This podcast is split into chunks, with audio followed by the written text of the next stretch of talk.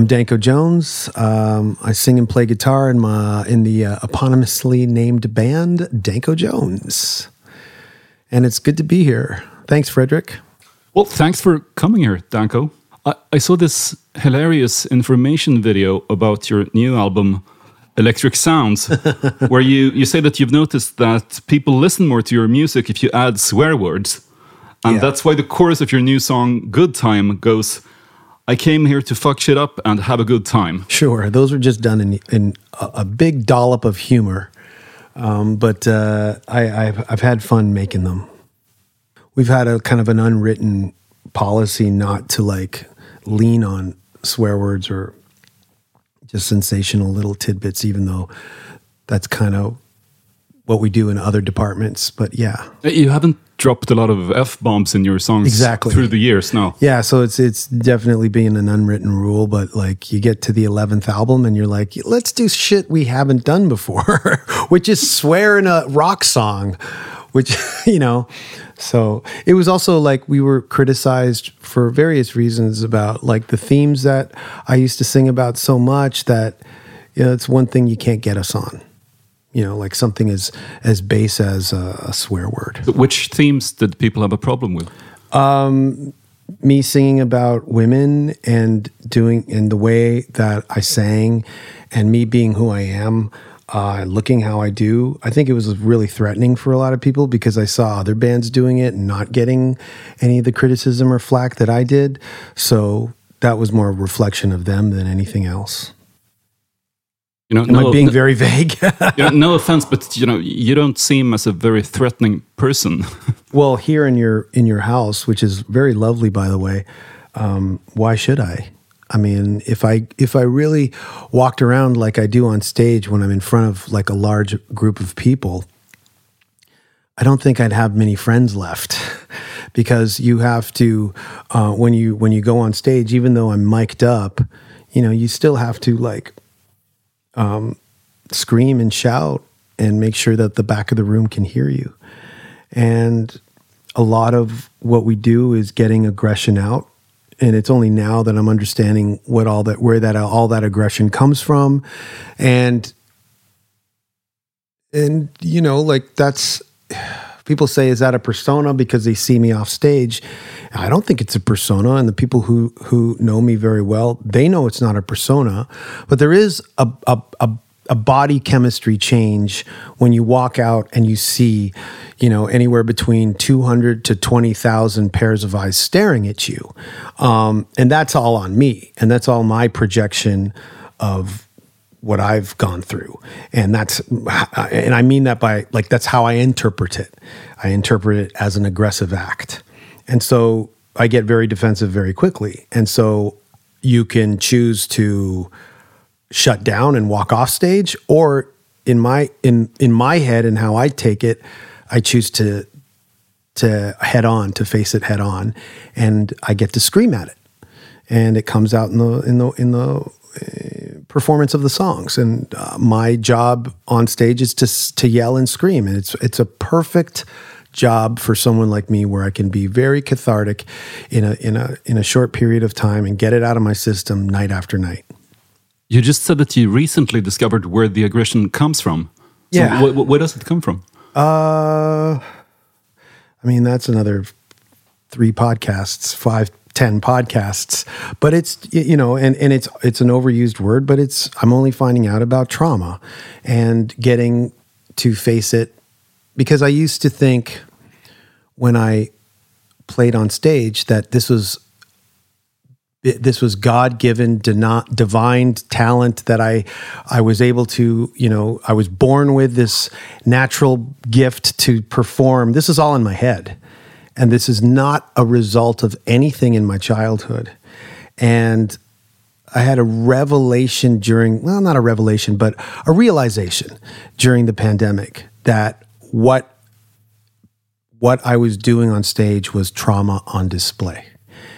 And when I realized that, it's a good thing that I didn't even tell my bandmates.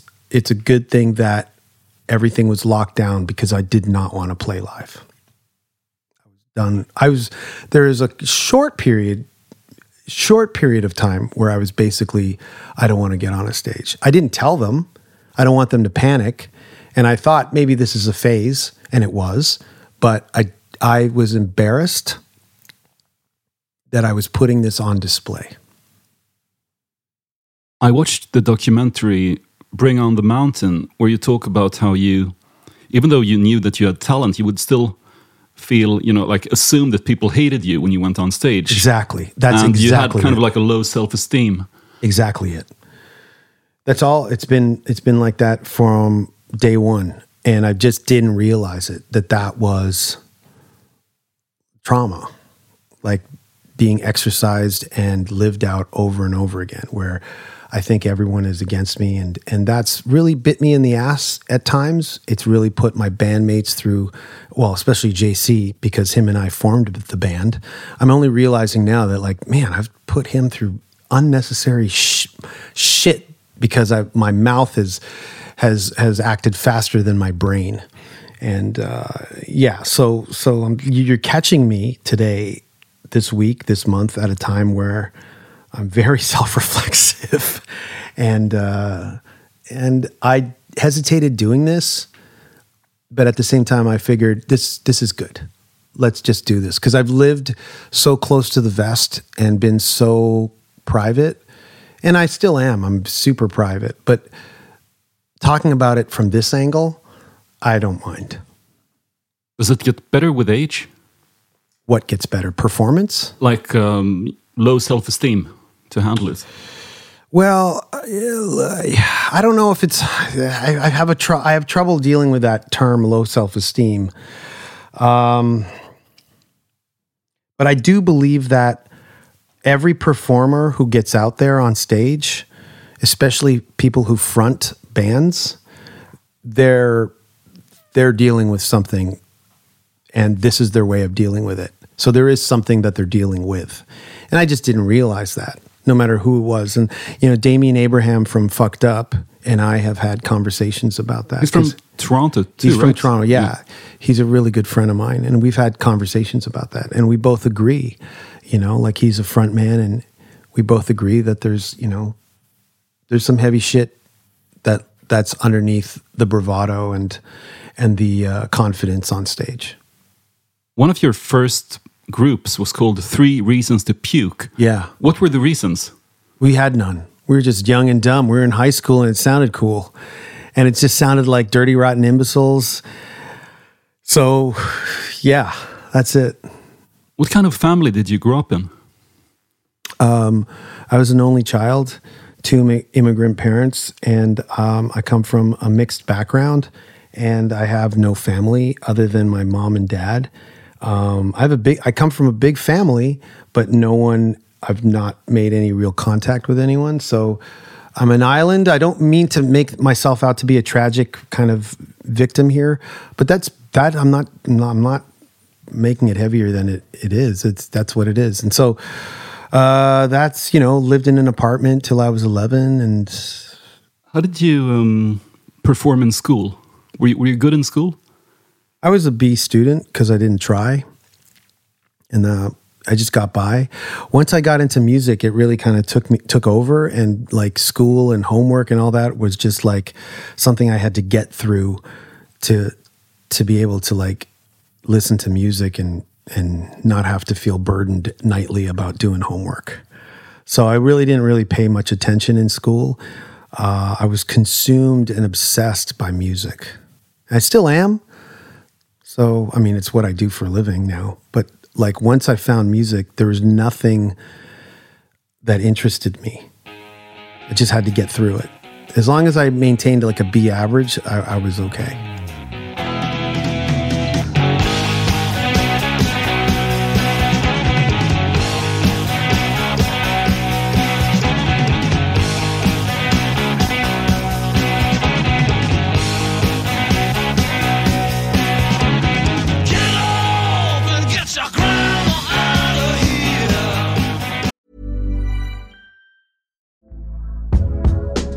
It's Michele Norris. I'm host of a podcast called Your Mama's Kitchen. When I travel, I'm usually looking for a way to find a taste of home when I'm not at home. And one of the things I love to do when I am at home is entertain. And Airbnb allows me to do that. When I was in California recently, I rented a house that had a great kitchen. And when we were sitting around the table, we were all thinking, we're in someone else's house. Someone could be in all of our homes as well.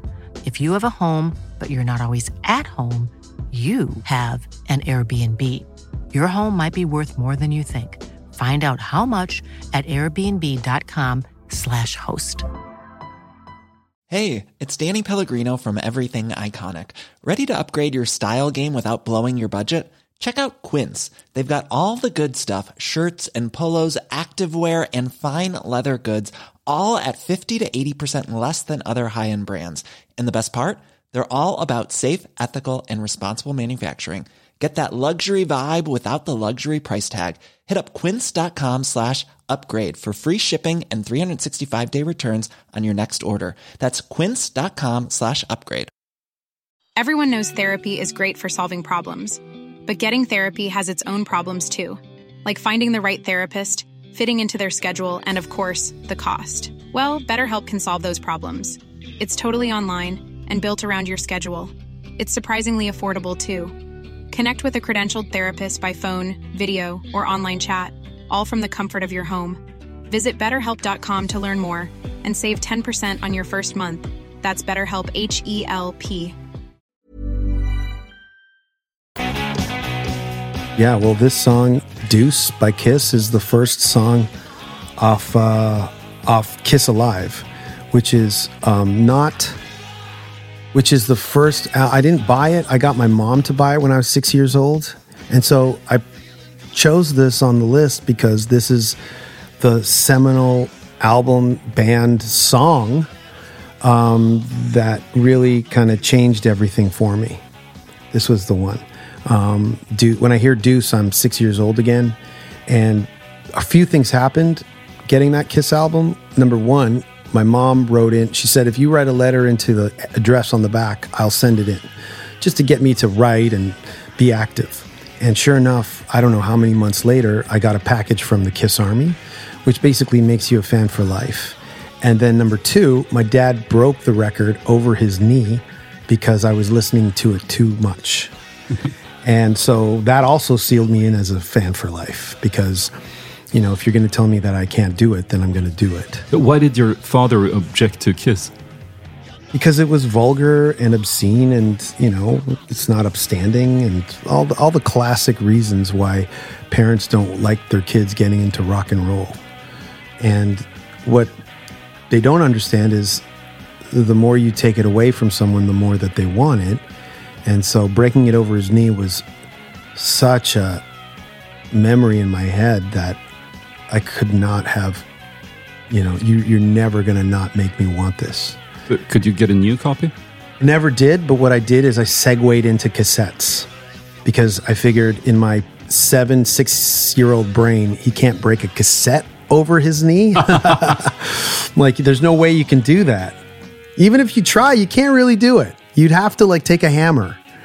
The hammer part never occurred to me, but I figured it's qu- smaller and I can listen to it in my room, whereas the, the stereo was in the living room, so everybody heard it.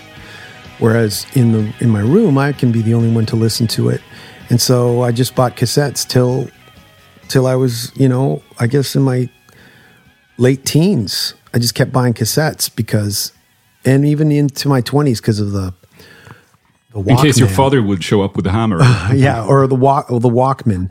Um, uh, so I have such a hate on for cassettes that people don't understand where it comes from. But that's because I lived with a with a with a Walkman for my all the way up till I was in my twenties.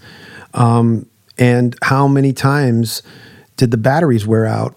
And I had to go home with no music. And it's kind of like you know, someone who can't get a drink, like an alcoholic who can't get a drink. Like I couldn't stand being going anywhere without music playing in my ears. So that's why I hate cassettes.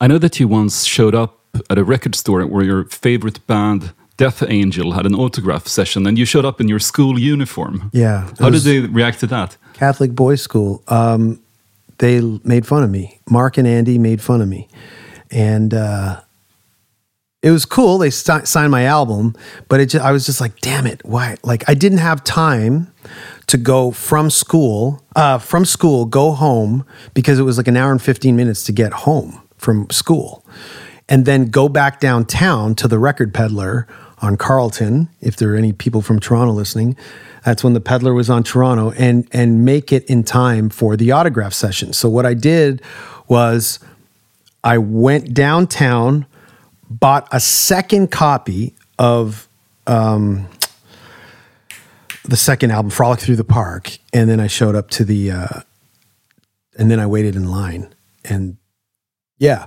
and then I told them that years and years later, and it was so nice. Mark was Death Angel were playing in Toronto. Um, this is going back about ten years ago, and he told the story on stage and he apologized to me, which I thought was very sweet. And uh, I in turn told the story on stage last year at Vakken. It's like a full circle and then another full circle. Did your parents um like encourage you to pursue a career in music? Uh, quite the opposite. They didn't want me to do it at all. There was like, you know, I come from both sides. There's academics, and that's what you're supposed to do. Um, a, a, a, a career in the arts, let alone a career in rock and roll, is just not something that's respectable. And it's also a lot of it is about keeping up appearances. But um, I just they bore a son that was obsessed with music and the arts, and that's you know I picked the shortest straw, and I had to you know live with their disappointment, and even to this day, you know, it's not the same. So So- Sometimes your answer uh, is the answer to your question is no.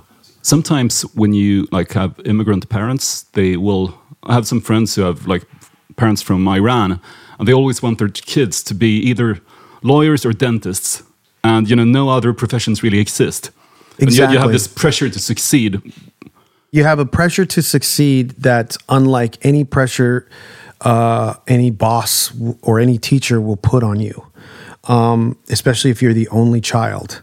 And I don't know how I mustered up the strength to buck that, but I bucked it and I just said, I'm going to pay the consequences. And the consequences were emotional detachment and disappointment, or both, or whatever, or one, or if it's the same thing. I don't know. so they don't come to see you live if you play in toronto They have, you know, when I've when I've like, well, they're very old now, Uh, but but when we were st- we've been around for 27 years. how so old are you by the way I'm very not young. that, it's impossible to google Oh, really? someone Good. said 1982 I love it. and i felt well then it was 18 when i saw him live the first time that's a little bit too young but I'll keep you guessing. How about that? Um, and then we'll give a give. We'll do a giveaway at the end of the podcast if anyone gets it right. But I know it's not this kind of podcast. But um, what was your question? um, whether your parents went to see you live They did when I thought this was a big enough milestone to check out. So when we played Maple Leaf Gardens in 2000, we opened up for Beck. And I figured, okay, Maple Leaf Gardens, that's, you know, that's a pretty big, and they know what Maple Leaf Gardens is. It's kind of like the Canadian Madison Square Gardens. It's where the Toronto Maple Leafs played. It's where Börje Salming played. And, you know, my dad and I have seen games there. So he knew what that was. Uh, no response. Then I, we played at the uh, Air Canada Center, which is kind of the updated version of Maple Leaf Gardens. No response. So, like, after that, I just basically, no, nothing. They didn't come to the show. They did. They, they came they to those didn't two say anything. shows. Not really. Okay there's been times like I, we played. Mo- I, I can't believe I'm talking about this because I don't. I don't really like talking about this, but I will. I'll say this much: uh, we played Moscow Stadium, opening up for Guns N' Roses, and uh, I called my father.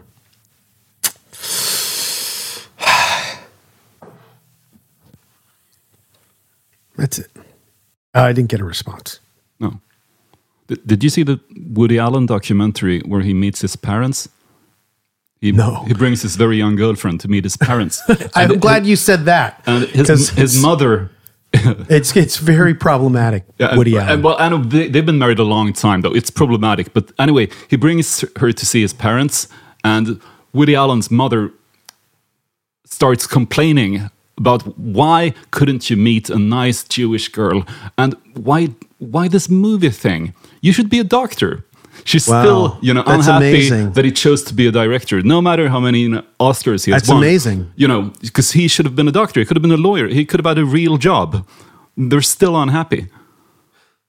well, And he's like in, well into his 70s in Yeah, that yeah, yeah. documentary. yeah, yeah, yeah. and his right. parents like 100 years old. I was gonna say, like, how's that even? How's that conversation even happen in 2023? You've toured a lot with the Backyard Babies. We did we did two tours. Yeah, we've done two tours with them. And you're, and- you're, you're friends with them. I know that because you sang on one of my favorite Backyard Babies tracks called Friends. Yes. Where they invited uh, Joey Ramone, Nina Persson from the Cardigans, and Mike Monroe. And you all sang about friends. And your verse goes like this I've got a friend. Her name is Grace. When we broke up, it put a smile on my face. sure. Who was Grace? And you stayed friends after you broke up, apparently. Grace was a made up name that rhymed with uh, face. Face, okay. But uh, in truth, uh, they are my friends, and Dregen is is a hell of a guy. And you know, they took us out when nobody would touch us, and Dregen took us out because he genuinely wanted a band to like rock out on the tour, and uh, we got along, and it was probably the most memorable tour I've ever been on, and I'll never forget him for that. A lot of rock stars are failed music journalists, but you've done really well in both professions. You know, you've written for the Huffington Post. Oh, anyone Close can write magazine. for the Huffington Post. That's not a big get. you just submit, you send an email with your essay. Yeah, but you had a really good blog there. Thank you. Um, yeah, I compiled all those into a book that came out on Feral House, and I saw on your bookshelf out, outside there a few Feral House books, and so you know the uh, the weight that that imprint carries, or at least it, it does with me. So being on on Feral House for my first book was like being on Touch and Go or being on Amphetamine Reptile. Like it was like such a cool thing to be or merge or or you know matador or something so so it was such a cool thing to to be a part of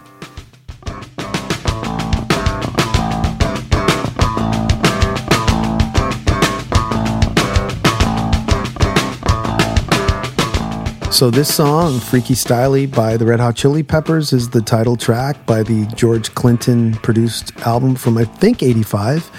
And this is when the Peppers were a different band than I think everybody knows to the today. Um, they were just spontaneous, unpredictable, wild, every single word you can come up with to describe like any word you can use to catch my attention. And that's basically in this in this song the line is i fuck them just to see the look on their face. I fuck them just to see the look on their face. And that is my mantra. It is my i live by that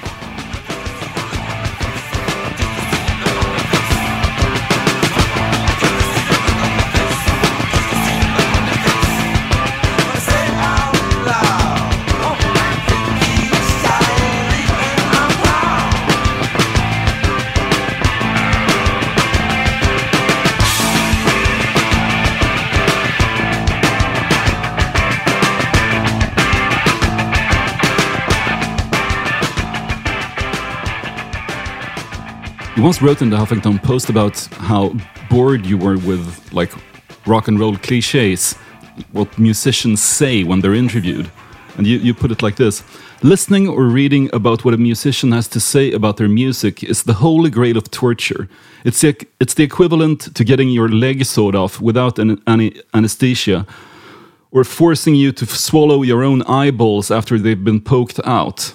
I have almost poked my own eyeballs out when I've heard the nonsense that comes out of the mouths of these yokels who play five chords on a guitar. Did you do a lot of interviews as well? Yes. Um, what can I say about that? Um, other than I'm a tad embarrassed by that, um, only because I find it funny still, but also I, I just don't. I, just, I don't know what to say. I, I just I. Uh, it's true, but it's not true. You know, it's it's obviously it's an exaggeration of of something that I feel like I just my point being like I think a lot of musicians and bands tend to take themselves a little too seriously because all the attention is focused on them and they're the ones being asked questions all the time and they're always talking about themselves and that over a period of time and I can't say that I'm not guilty of it, but you get this like really fucked up perception of the world. And and so uh, that was just basically my point is like I think a lot of musicians take themselves too seriously and and think they're all that when they're not. And all they're doing is just playing songs. So, was there any special interview that you had been watching No. which made you want to poke your eyes out? oh at the time? Yeah. I'm sure uh, that provoked that article. Um, but I can't remember it. I can't I honestly can't but I'm pretty sure for me to write that uh, I was provoked by something that I saw or read you know and it's one of those things where you just try to kind of just say it out loud in, in the in the room going jesus christ you're like you know you think you're all that or whatever It seems as if you have like a slight allergy to pretentiousness because I know that you also didn't like people calling you an artist. You, you found that the, the word or artist was a slur. i do. I find it i can't even say it myself like uh, I've never thought about it that way because it's so common that you know It you is, just and that's another thing is everyone's an artist. It's like everyone's an artist. And So according to you, an artist is someone who like paints and no know, not no art. I- I- someone who's in the fine arts and music is included in that okay, but but i just so when you reach that level, do you need to be, you know, very I technically skilled to become an artist, or is it More? I really it's very intangible and it's really hard for me to describe what I would I would like I would say in the in the world of music who would be an artist and who wouldn't be classified as an artist. But one thing I know is I can't sit here and think that I'm an artiste. Like that just well, it if you just doesn't pronounce make- it like that, it, it- sounds it- so snobby. But artiste, It's- it's artist. I feel uncomfortable saying it, you know, like I just I just do. And then at the very and then in I say that and then in the very next sentence I'll say like everybody thinks rock and roll is lowbrow. Just ah. so I don't know what I'm, I'm very confused in that sense.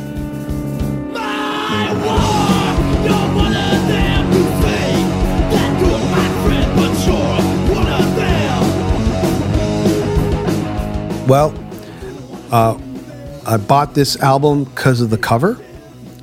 When I was about 15 or 16, I found it at Vortex Records at Yonge and Eglinton in Toronto, and it blew my mind.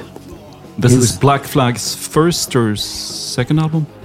No, I think it. No, it's like a few albums into the Rollins era, and uh, Chuck Dukowski wrote the lyrics for "My War." Just found that out very recently. I thought it was Henry, um, and it's just the angriest set of lyrics put to the angriest, rawest music I've ever heard in my life, and it became my theme. It became my shield. It it became everything to me, and I lived by that song. You know, you're one of them. Um, you know, like my war, you're one of them. You said you're my friend, but you're one of them. One of them. That was like, that was another mantra that I carried with me, and and you know, yeah, and so that's why I put it on that list.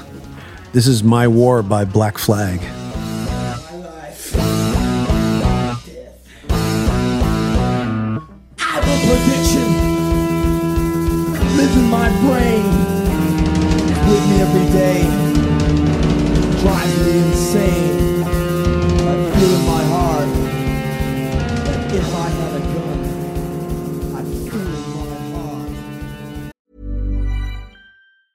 Planning for your next trip?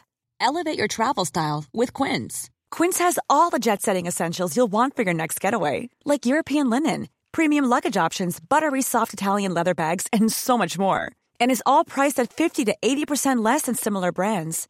Plus, Quince only works with factories that use safe and ethical manufacturing practices. Pack your bags with high-quality essentials you'll be wearing for vacations to come with Quince. Go to quince.com slash pack for free shipping and 365-day returns. Everyone knows therapy is great for solving problems, but getting therapy has its own problems too, like finding the right therapist, fitting into their schedule, and of course, the cost. Well, BetterHelp can solve those problems. It's totally online and built around your schedule.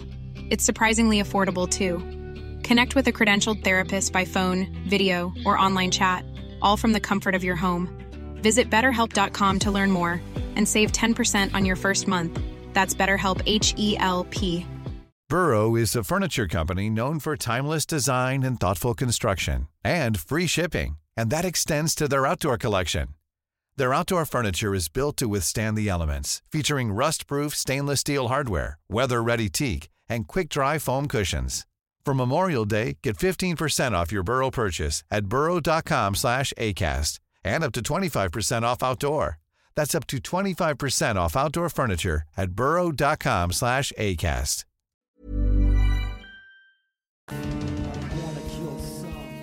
I spoke to Thomas Seltzer, the bass player from Turbonegro, Yeah. and um, Happy Tom. Happy Tom, and you you toured a little bit with him, and I asked him if you know what their first impressions were of you. Of me. Yes, and he said that you felt exotic. I felt, he felt, I felt exotic. He, he felt that you were exotic. Uh, uh, All the members of Turbonegro felt that you were very exotic. Can you guess why? Because I'm a brown guy? I'm a person of color? I don't know why. No, because you did not drink. And they were like Oh. severe Norwegian alcoholics, all of them. So for someone not to drink was like a wow, that's interesting. But that's not a that's not anything that's strange and new in the world of punk rock, which is where Turbonegro live and are from, the world of punk rock. I mean, when I handed in the list for for this podcast, I erased uh, one of the first songs I put down was Out of Step by Minor Threat because that was and Minor Threat were a band that, you know, I think there's a section of us who like worship Ian, you know, in that sense. Like the whole what would Ian do is something me and Damian Abraham have talked about. Um, so, um, yeah, like uh, I didn't think it was too out of line because you know I, I we are a garage punk band. I I have a background in punk rock, and I didn't think it was too crazy to like come out and just go. I don't drink. I don't consider myself straight edge. You know, I've broken edge a few times in my life, and I'm not straight edge anymore at all, by any means at all. And I don't use it to define me, and it's not, you know, it's it's not who I am. Uh, but there's been times in my life where you know that song came in handy. Maybe Turbonegro were, were so drunk at that point that they didn't even like see the connection between you and like Minor threat. Minor Threat. maybe, maybe. But I've even, I think I've even put that in. I think I'm out of step like minor threat, baby. I think I put that in one of our songs. That's a line out of our song. I'm pretty sure it was. I first heard about you when you played at the Hultsfred Festival in Sweden, like in the early 2000s. 2001 and 02 we played, I believe. And was that like your first visit to Europe, or was? Uh, oh one was our first.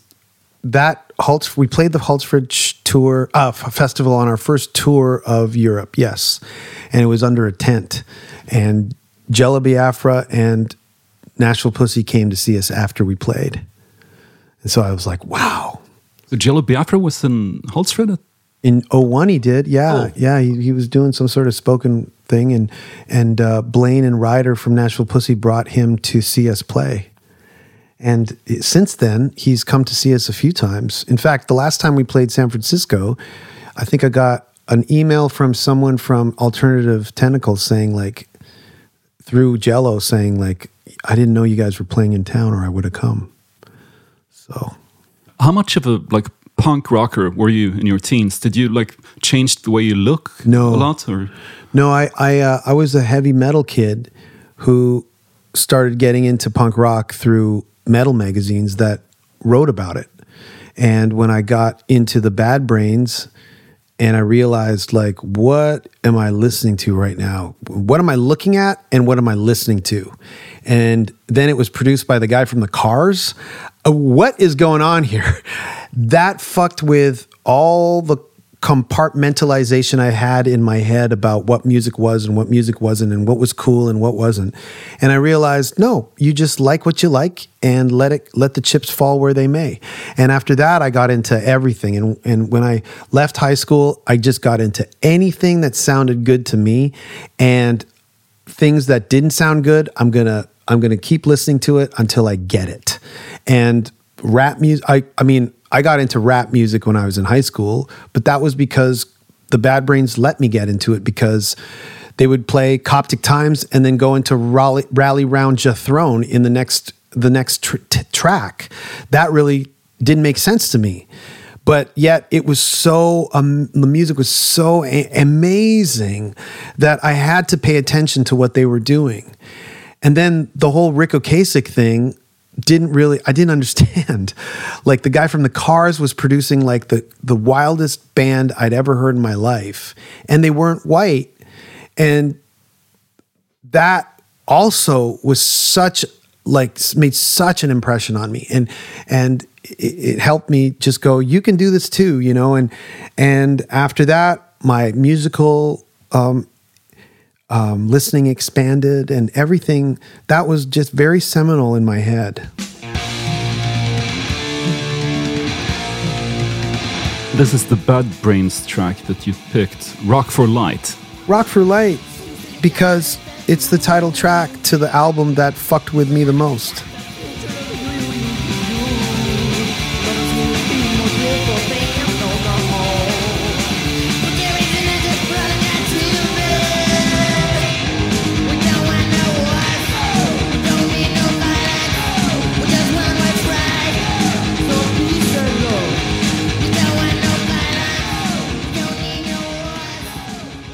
Besides working as a music journalist, you also worked once in a porn shop. What was that like?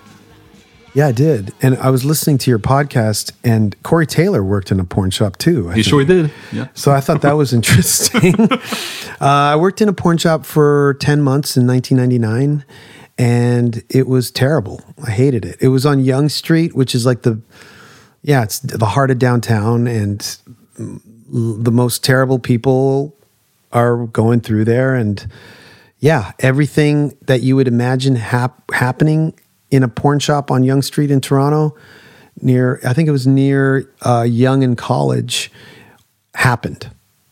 Everything you would imagine that happened happened. Did you get attacked or anything?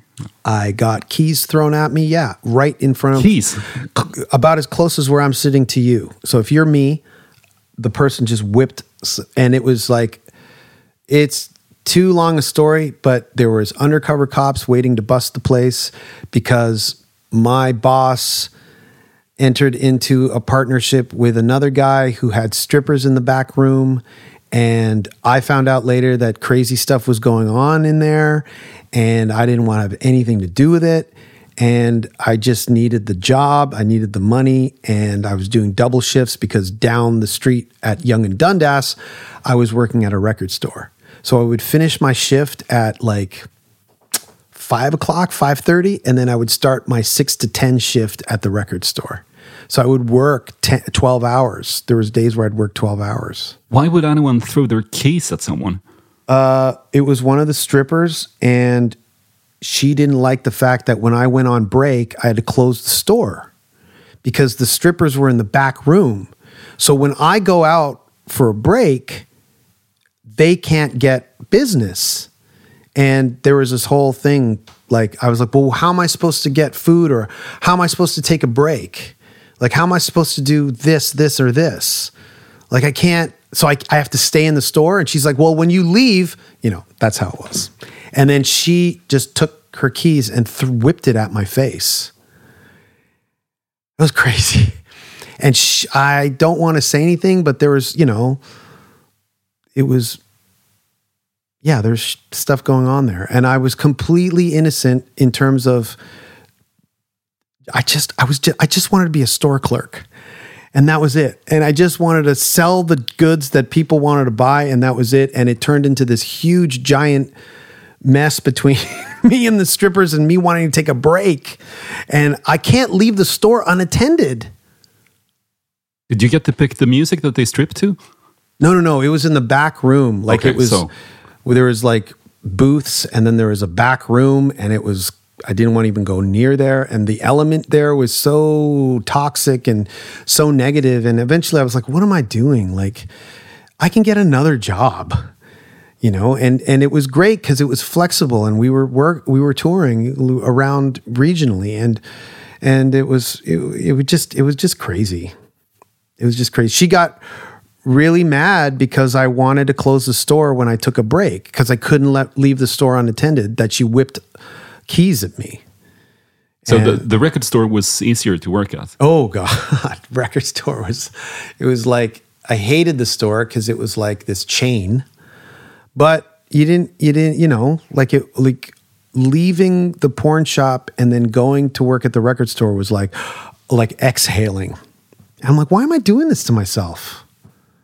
It's like filled with the worst people in the world, and there's so many bad elements, and there's undercover cops and I'm going to get in trouble for nothing, just sitting behind a counter, like wanting to just do my job. So that's what happened.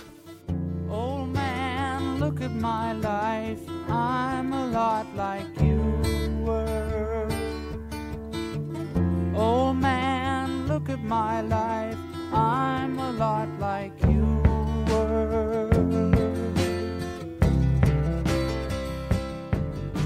This is one of the songs why I'm so, I feel so close to, like, I, I love Neil Young. And uh, this song, I don't know who it's about. I have to assume it's about his dad.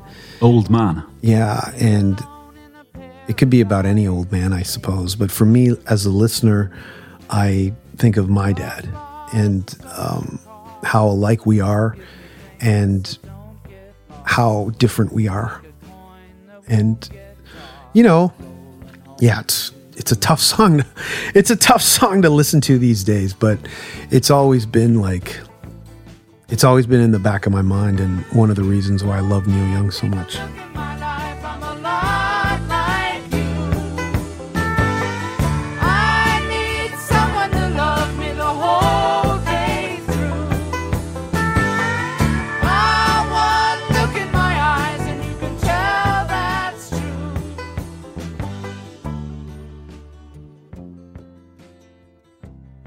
Beautiful.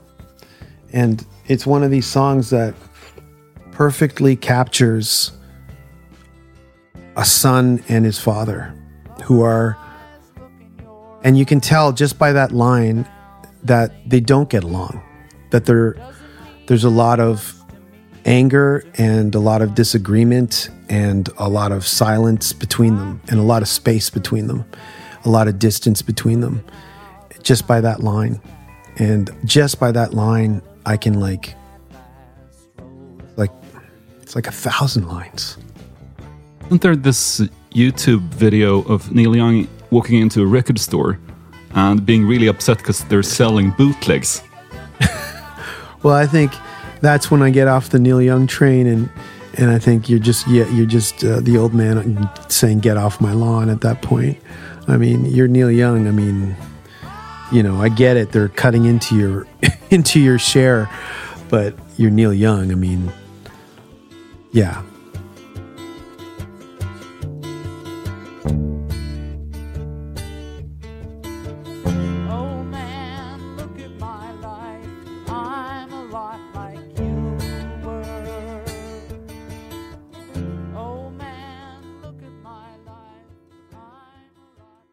Close Up magazine, the Swedish metal magazine that you used to write for, you wrote quite a lot about your lifelong obsession with Kiss. Sure. To the point where Roban, my editor, told me to stop. he did. I wish I had that email.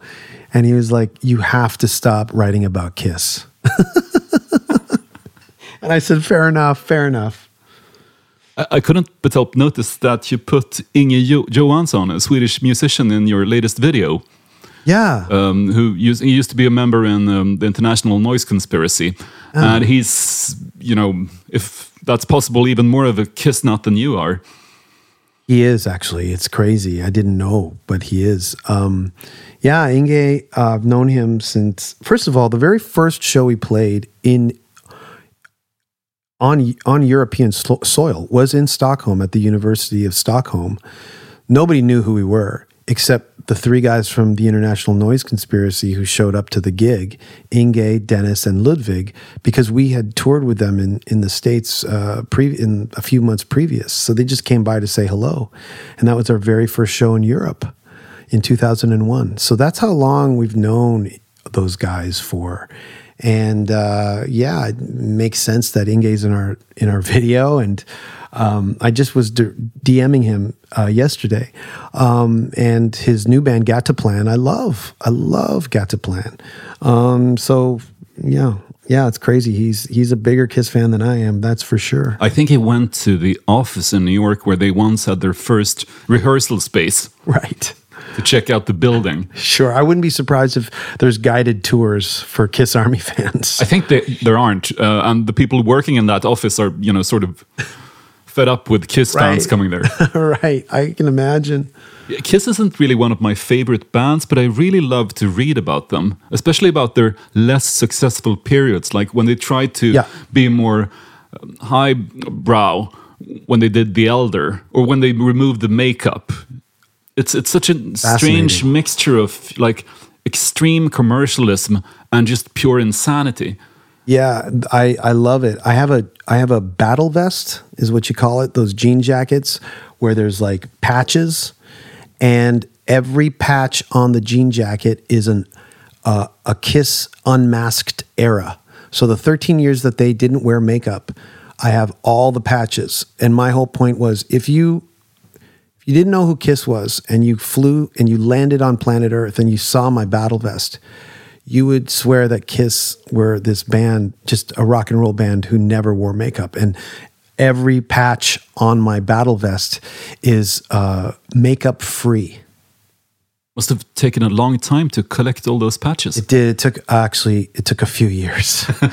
it took a few years. I'd get inspired, and then I'd stop, and then I'd get inspired, and then eventually it got sewed on. Sweden was one of the countries where they were still massive when they removed the makeup, Mm-hmm. like around the time time of uh, Asylum and Crazy Nights. They, They were, were still big in America. Heavens on Fire was a number top ten hit at okay. least. Yeah, Heavens on Fire was a top ten hit. Tears Are Falling was a kind of top thirty hit. They had a couple of like top thirty, top ten hits. Lick It Up did well. The the title track. So eh, no slouching. I know that as a kid you dreamed about how the members of Kiss were your older brothers. Yes. because you were an only child. Yes, and they wore makeup, so you couldn't tell the the real color of their skin. And because they all had black hair, you know, it could have it could have gone either way. Also, you have a very long tongue. I've seen pictures of it.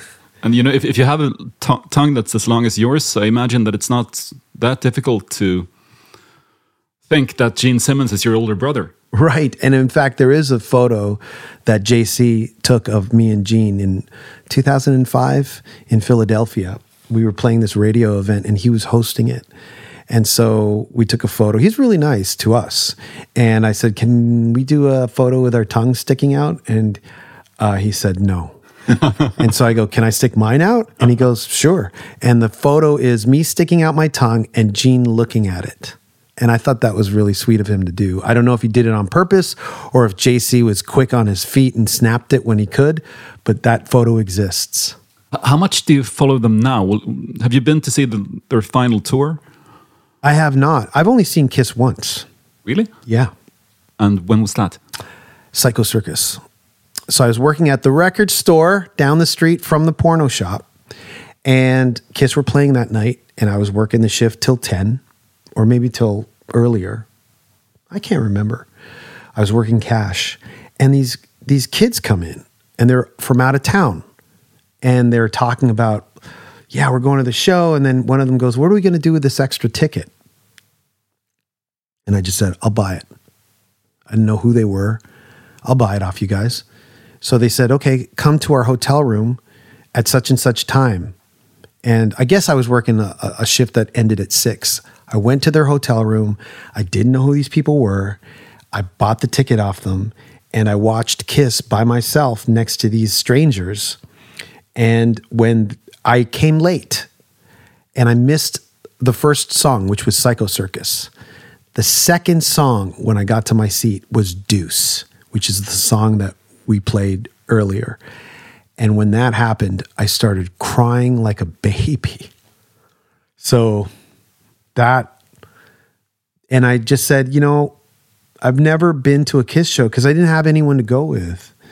And Really? yeah. And then when I was older, I wasn't really into, I was into other things. You know, I was into noise rock or, you know, whatever, slint.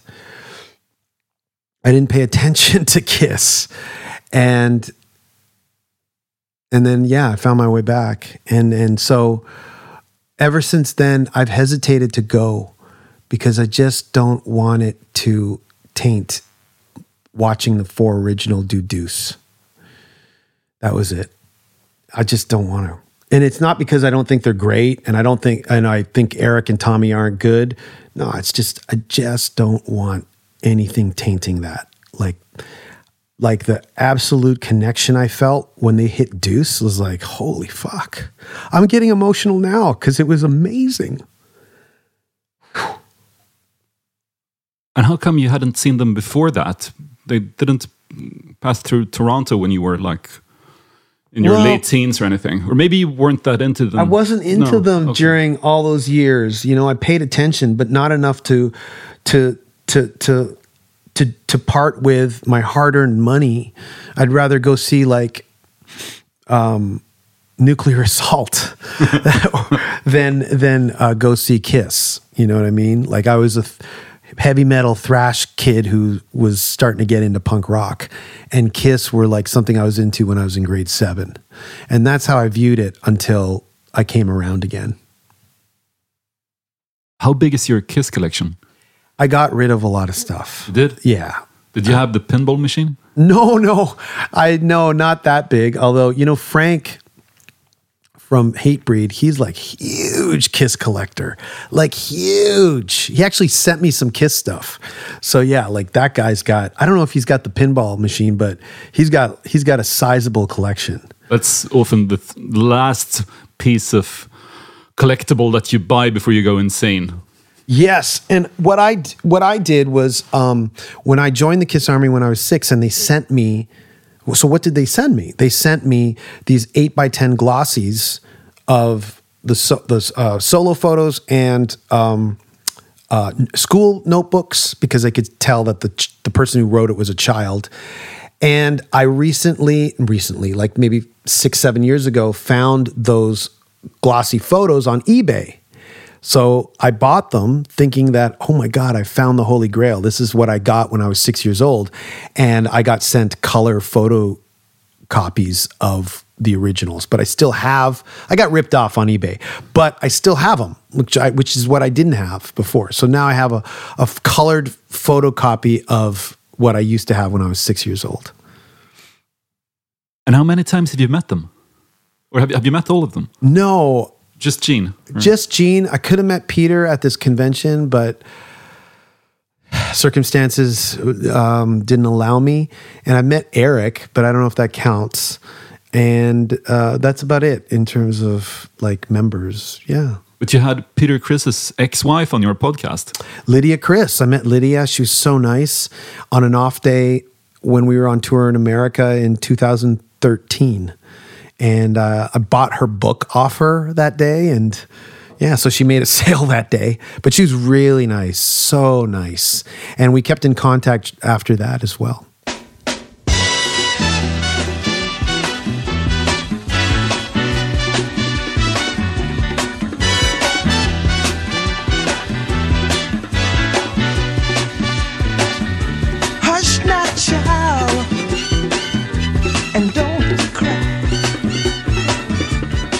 Why did I do this, man? Because I put every song on here is getting me emotional. Well, you've cried four times already on this podcast. I have to say that I'm impressed how connected you are to your emotions. Because Well, the music it just means a lot to me. yeah, But this one's really, this is like falling in love. And this is the song that made me like, this is a song that I listened to when I was falling in love. Uh, and we were on tour. And back then, long time ago, I had a Discman. if you guys remember what that is, if you but you put CDs in, right? but you put CDs so you in. moved from the Walkman to the Discman. from the Walkman to the Discman, and I didn't have a CD player at home. So when I would be at home, I would hook up this Discman to speakers, and I would I would listen to CDs that way. And then when I went on tour, I just unplugged it and put batteries in it, and away I went on tour. But the problem is, you have to also bring a, a CD booklet that was really really heavy and so I brought with me the double disc that I had of Curtis Mayfield's greatest hits. And one of one of the songs on the greatest hits is Move On Up, and that became the soundtrack to me falling in love. Um, and I can't listen to that song without without hearing it, without feeling it. I mean.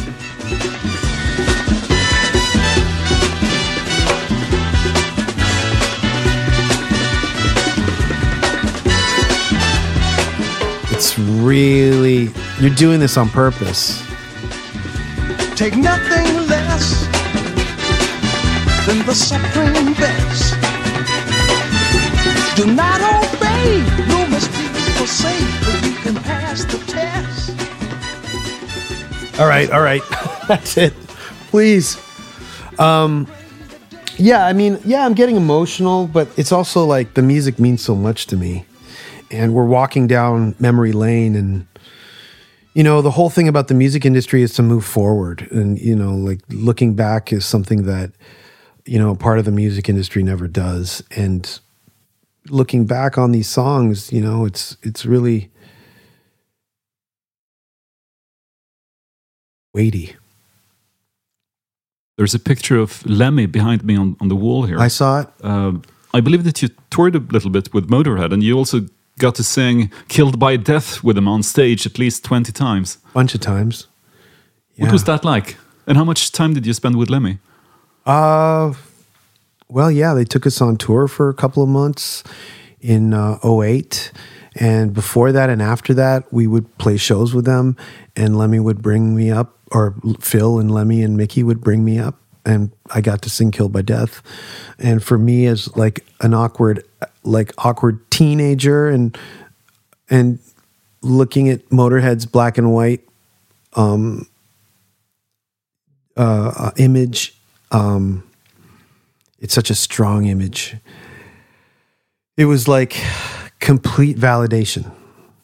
And uh, Lemmy was so kind to our band. And uh, what do you say? Like, I don't know what else to say that hasn't been said, and that and it, that is being said as we speak somewhere in the world, praising and admiring him. Um, he was such a he's such a one of a kind kind of guy, and yeah, so nice to us, and yeah, it was amazing. It was just it was awesome. Yeah, and yeah, I got to sing "Kill by Death," and "Kill by Death" is actually one of my favorite two songs of the two top two favorite songs of Motorhead. If I got to sing "Shine" with them, then I would have been like a pig in shit. I would have been so happy. But yeah, "Kill by Death," I mean, it was amazing. Lemmy was also in the short movie that you made called "The Ballad of Danko Jones," Yeah, yeah. which is a like an adventure movie where your band is trying to save the world from this evil scientist played by Ralph Macchio, I think, the yeah, Karate Kid, the Karate Kid. Yeah, and he's trying to uh, clone musicians. clone people or something. I kind of didn't get the the the uh, the the story. We just kind of like went along with whatever. The directors were Jason and Josh Diamond, who are friends of ours, and uh, they got Elijah Wood, who's a friend of theirs. And once Elijah Wood was on board, it was easy to get everyone else. And even though we knew Lemmy and we we were friends and everything, you know, you dangle the thing, you dangle the you, you dangle uh, Elijah Wood and Selma Blair and in in the mix. You put that in the mix, and like you, we have we stand a better chance of getting Lemmy to come down here. Even though we were shooting in L.A., he lived in L.A. and all he wanted was Jack and Coke in a limo and being driven in a limo to and from the uh, the set, which was an easy ask. That Yeah. insane plan to clone artists kind of s- sounds plausible now when you've got record companies trying to, you know, come up with plans for how to create AI versions of artists. Yeah. And just, you know, keep putting out music by any musician, dead or alive, Yeah. whether they li- like it or not. You know, it's uh, it's actually something that might happen right now.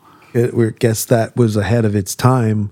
But yeah, uh, for us, it was just a fun thing to get like really big names in our videos. And we did the first one with Elijah Wood and Selma Blair and Lemmy and Mike Watt, who introed the whole thing. And while we were shooting, I just said, how, we, how do we top ourselves? Like, we can't top this unless we get like the Karate Kid. And that was just because, not to make fun of Ralph, but it was just like the farthest thing from our heads. Like, it's like saying Luke Skywalker to me.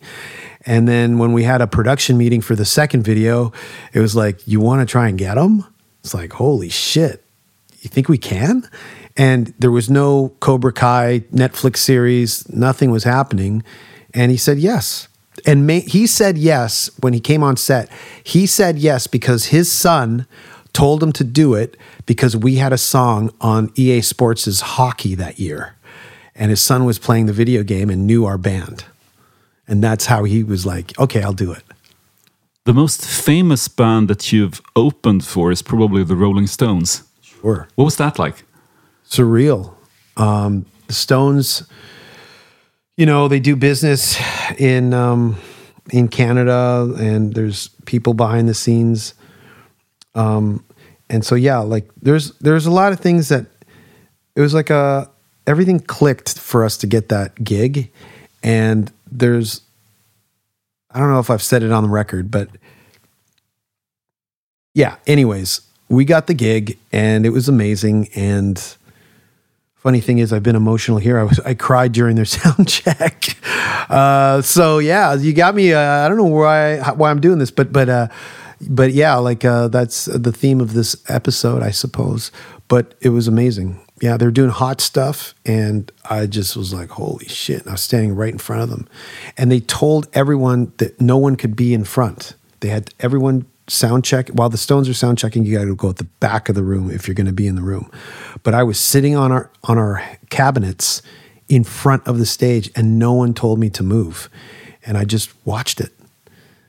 And then i looked back and everyone's behind me. I didn't even know. Um, and that was amazing. And i heard later on like stories about people who worked their rehearsals in toronto that week. And one was like Ron Wood put on our album, Born a Lion. And then I heard from a Belgian journalist when Keith Richards was asked what his favorite bands were, he said The White Stripes and Us.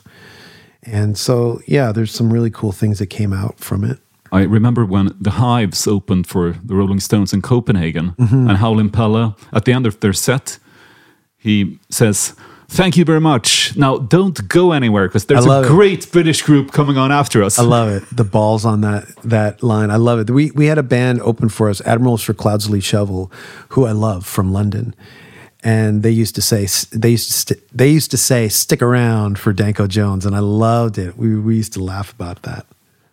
Four years ago, you covered the song You Love It by fellow Toronto artist Peaches. Mm-hmm. I was a bit surprised that you covered her, but do you know her or do you? Yeah. Yeah. Yeah, like um actually we want like Very nice or fantastic um, electronic artist. before she moved to Berlin in Toronto, like uh, we tried to get her to open for some of our shows. And then I talked to her over the phone and she said, Oh, I'm sorry, I'm moving to Berlin. And then I said to myself, Why the fuck would you do that? And then, of course, everything blew up for f- stemming from her move to Berlin.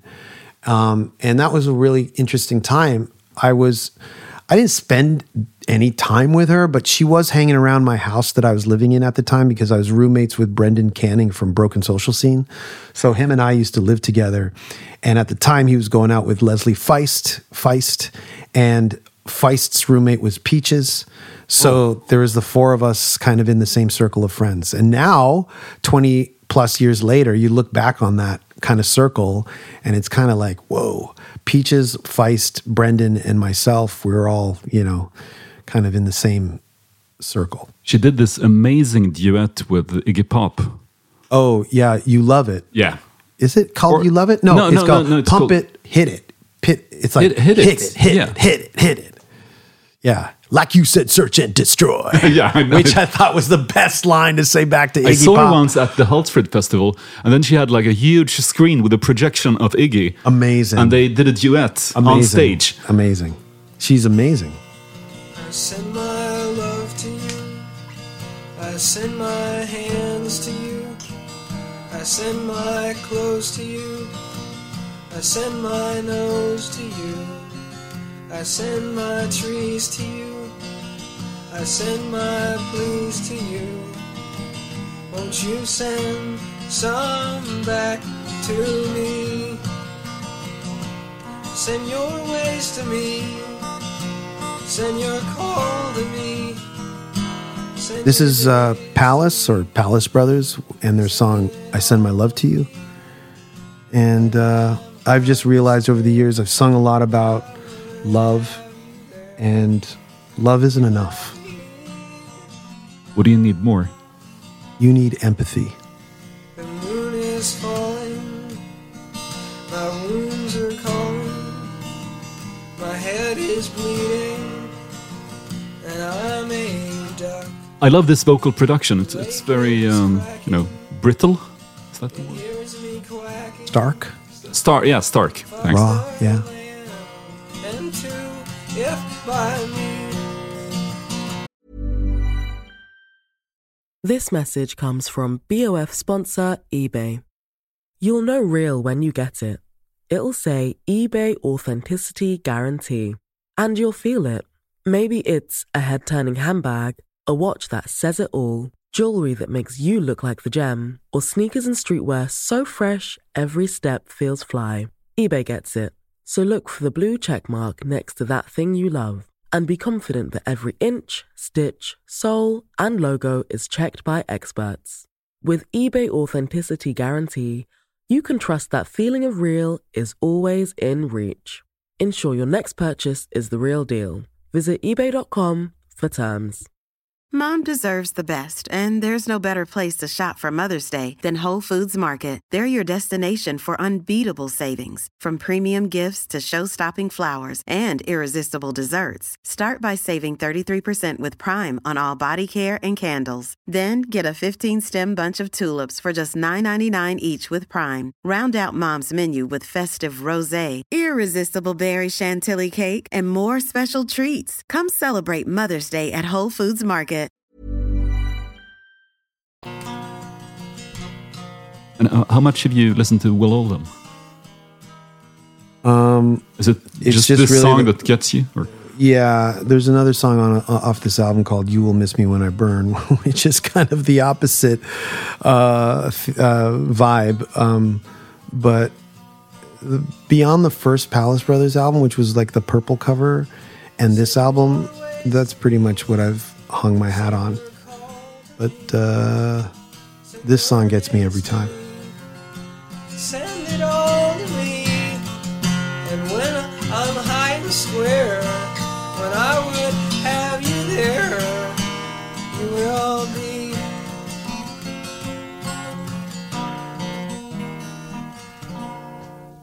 Well, Frederick, it's been nice. Um, I have to catch a plane to Paris, and I really mean it. It sounds uh, very cosmopolitan and, and international traveler type, but uh, I really do have to get to Paris. it's been a pleasure having you here. I'm sorry if I made you cry. No, I made you did that to yourself. I made myself cry, You did, yeah. Uh, it- you know, the music is is what it is, and uh, I just, you know, wish everyone can connect to music. Thank you, Danko. Thank you, Frederick. Texanike. Too much time wasting it all away. But now I know who's number one. Not gonna waste another day. Den här podcasten producerades av Daniel Bäckström för Lejon Media. Danko Jones var hemma hos Strage.